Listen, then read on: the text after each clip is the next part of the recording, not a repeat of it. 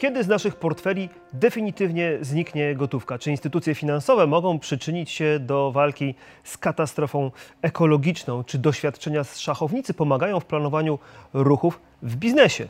I właśnie w programie Biznes Mówi witam Państwa, Mikołaj Kunica. Moim gościem dzisiaj jest Pan Przemysław Gdański, prezes BNP Paribas Bank Polski. Dzień dobry Panie Prezesie. Dzień dobry.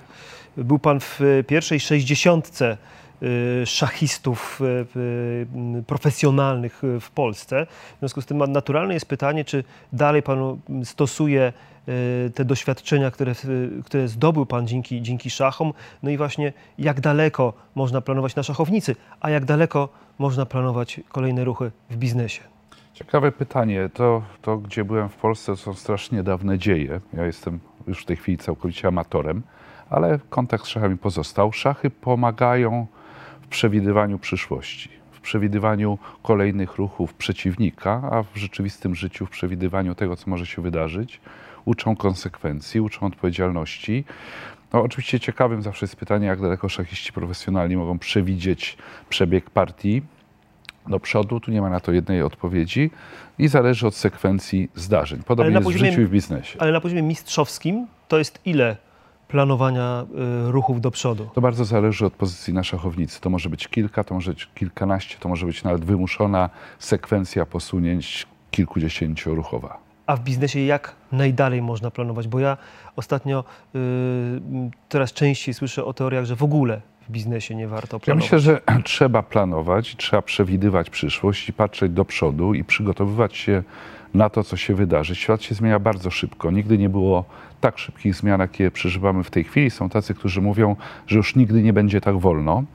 E, natomiast e, przewidywanie jest coraz trudniejsze. Ja widzę taką różnicę pomiędzy ekonomistami, którzy przed laty, przed kryzysem finansowym ochoczo prognozowali kursy walut na lata do przodu. W tej chwili jest to trudniejsze nawet na kilka miesięcy. Więc żyjemy w dużo większym stanie niepewności i zmienności. Musimy do tego się przyzwyczaić i to zaakceptować. I właśnie wtedy, y, tuż przed tym kryzysem finansowym, Nassim Taleb napisał taką głośną książkę Czarny Łabędź. I to była taka teoria, że y, nie wiemy skąd, nie wiemy kiedy, ale nagle pojawi się coś, co się nie pojawia, czyli właśnie łabędź w kolorze czarnym, a potem napisał taką książkę Antifragility, czyli taka antykruchość, w której właśnie udowadnia, że planowanie kompletnie nie ma sensu, że musimy być gotowi na wszystko. Trzeba być gotowym na różnego typu nieprzewidziane okoliczności. Natomiast y, biznes wymaga jednak planowania, wymaga zarządzania metodycznego. No my, banki, planujemy to, co będziemy robić w kolejnych kwartałach i w kolejnych latach. Nie uciekniemy od tego. Choć wiemy, że niespodzianka może się zawsze przydarzyć. No dobrze, tylko że teraz mamy świat, w którym szachiści nie wygrywają już z algorytmami. Już co najmniej od 15-20 lat bardzo ciężko jest wygrać y, y, na szachownicy y, z komputerem, a w biznesie to znaczy pytanie zmierza do tego, ile sztucznej inteligencji za chwilę i jakie obszary biznesu przejmie. Szachiści przestali grywać z algorytmami po tym, jak algorytmy zaczęły ogrywać najlepszych na świecie. To się przestało e, podobać komukolwiek to też trzeba zaakceptować. Natomiast cóż z tego wynika? Moim zdaniem nic. Szachy są sportem dla ludzi, a to, że maszyny są lepsze, nikomu nie powinno przeszkadzać. Podobnie jak motocykl jest szybszy od maratończyka. Natomiast jeśli chodzi o AI... Sztuczną myślę, inteligencję. Tak, sztuczną inteligencję. Myślę, że będziemy mieli z nią do czynienia coraz bardziej, coraz więcej w kolejnych obszarach życia, również w biznesie. I to jest trend, który jest bardzo wyraźny, silny i nie do zatrzymania. On ma wiele plusów, ma też pewne elementy ryzyka. W związku z tym no, człowiek musi jednak czuwać nad tym, żeby właściwie sztuczną inteligencję wykorzystywać. No i w dalszym ciągu na razie czuwać nad tym, w którą stronę pójdzie rozwój. W finansach jest wiele obszarów, gdzie sztuczna inteligencja jest i powinna być wykorzystywana. Pewnie będzie tego więcej, ale też są obszary, które będą w dalszym ciągu zarządzane przez człowieka i tam maszyna nas jeszcze przez lata nie wyprze. To gdzie, bo gdzie będzie sztuczna inteligencja wykorzystywana, byśmy mogli rozmawiać bardzo długo, a lista chyba tych funkcji, czynności, usług, które pozostaną w gestii człowieka jest krótsza, więc może skupmy się na tej krótszej liście. Gdzie y, człowiek dalej będzie y, kluczowy, jeśli chodzi o biznes? Tu można mieć wiele różnych teorii na ten temat. Ja osobiście uważam, że Ludzie mają taką atawistyczną potrzebę kontaktu z drugim człowiekiem, mają potrzebę zaufania, odczuwania tego zaufania. W związku z tym w bankowości dalej będzie tak, że relacje pomiędzy bankiem a klientem będą w pewnym stopniu zarządzane przez człowieka, który będzie uosabiał kompetencje, zaufanie, będzie służył radą. Oczywiście nie będzie zajmował się praktycznie żadnym operacyjnym procesem. Te w pełni zostaną zrobotyzowane i przekazane do maszyn. Natomiast y, uważam, że instytucja takiego doradcy klienta, opiekuna klienta, osoby kompetentnej i zaufanej przetrwa jeszcze długie lata. Wie pan co? I tak i nie. Pewnie pytanie nie byłoby właściwe, gdybym e, pytał bankowca, kiedy ostatnio był w banku, bo pan pewnie jest codziennie. Natomiast no, jakby pan mnie spytał, kiedy ostatnio byłem w banku, to powiem, nie pamiętam, a korzystam bardzo intensywnie z usług bankowych. Moje interakcje z bankiem to jest kilka razy na dobę. Cenna uwaga, tylko po pierwsze proszę sobie zdać sprawę, że jest Pan absolutnie niestatystyczny, czyli zna się Pan na tym, jest Pan technologicznie Ale zaawansowany, skąd? Panie ja sobie, ledwo radzę, ja sobie ledwo radzę z rozliczaniem podstawowych faktur. Ja po prostu mam tak proste narzędzia dostępne od swojego banku, że nie muszę chodzić, stać w kolejce, jechać, Zgoda. szukać miejsca parkingowego, bo ja nie muszę dzwonić, po prostu sobie loguję się do systemu i wszystko mam. A drugie pytanie jest takie, czy w ostatnim czasie podejmował Pan bardzo istotną dla swoich finansów decyzję? Na przykład kupno domu czy mieszkania, zainwestowanie istotnych środków. I czy w takiej sytuacji jednak nie czuł Pan większego komfortu, mogąc z kimś porozmawiać? Może niekoniecznie w placówce, może to być przez wideo, może to być w innym miejscu, dla Pana dogodnym, ale jednak czy nie chciał Pan, żeby ten człowiek prawdziwy, żywy, reprezentujący godną zaufania instytucję pomógł Panu w tych decyzjach? Zostawmy to pytanie otwarte. Nie będę się zdradzał ze swoich e, finansów osobistych. Natomiast e, zdradzę panu, jak się przygotowywałem do rozmowy, to z reguły czytam listy prezesów. Jak są raporty roczne, tam jest list prezesa, tam są bardzo ciekawe rzeczy zawsze. I napisał pan między innymi w tym liście, kontynuujemy rozwój sieci oddziałów w nowym cyfrowym i bezgotówkowym formacie. Tak Kiedy jest. z naszych portfeli zniknie gotówka?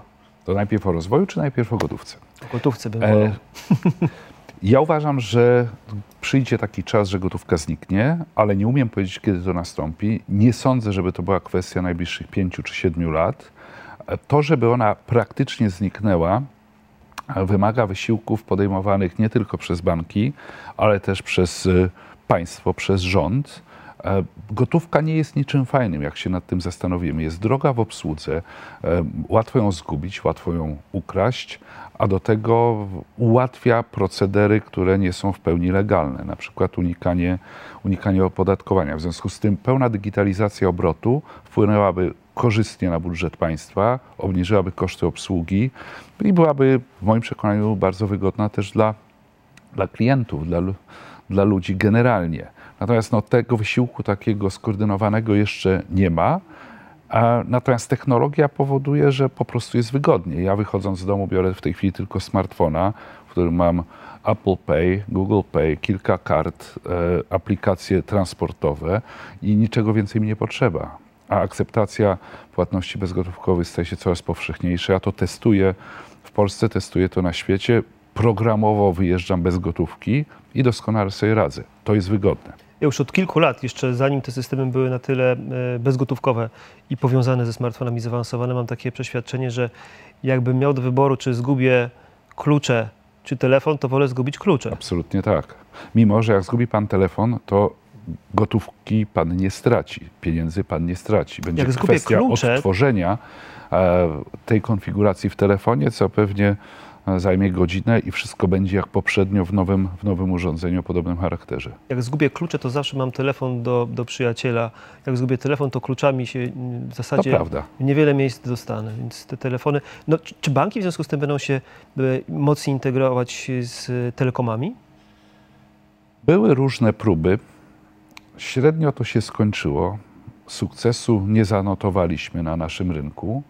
Myślę, że to, nie jest, to, że to nie jest istotny kierunek. Istotne jest to, że banki rozumieją w tej chwili, że smartfon jest coraz częściej podstawowym narzędziem komunikacji klienta z bankiem. Staje się takim, mówiąc po polsku, nieładnie po polsku, bo nie po polsku, gatewayem do instytucji finansowej. Taką, taką bramą, bramą, bramką przepuszczającą. Bramką, przez którą wchodząc możemy załatwić całą masę różnych bankowych, finansowych spraw i oczywiście nie tylko. I To jest e, kontynuacja trendu, który widzimy w szeregu innych usługach. Tak? Rezerwujemy hotel za pomocą, pomocą aplikacji, rezerwujemy restaurację, sprawdzamy pogodę i tak dalej, i tak. W, w, tym liście dołączanym do raportu sprawozdania za rok 2018 napisał Pan między innymi też takie zdanie.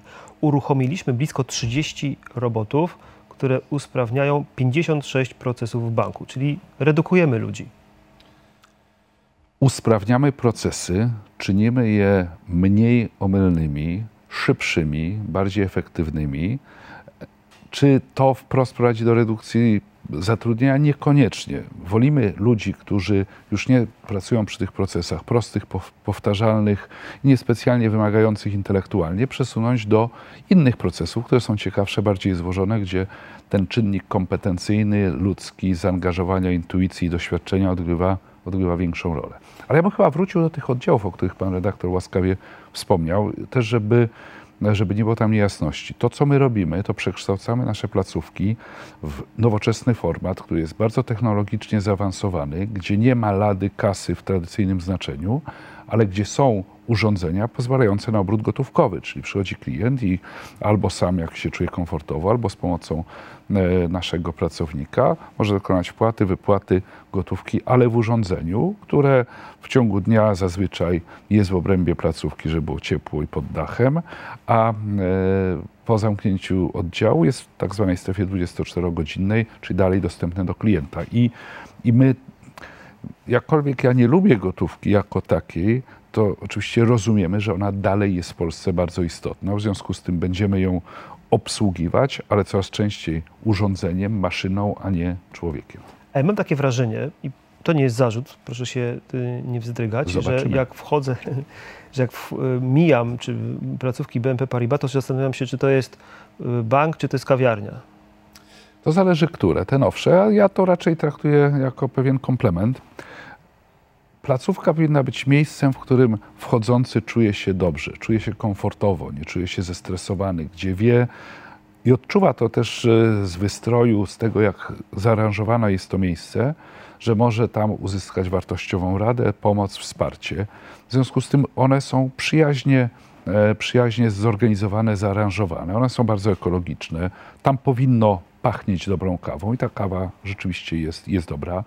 E, tam powinni być otwarci, przyjaźni ludzie, też zadowoleni z miejsca, w którym pracują.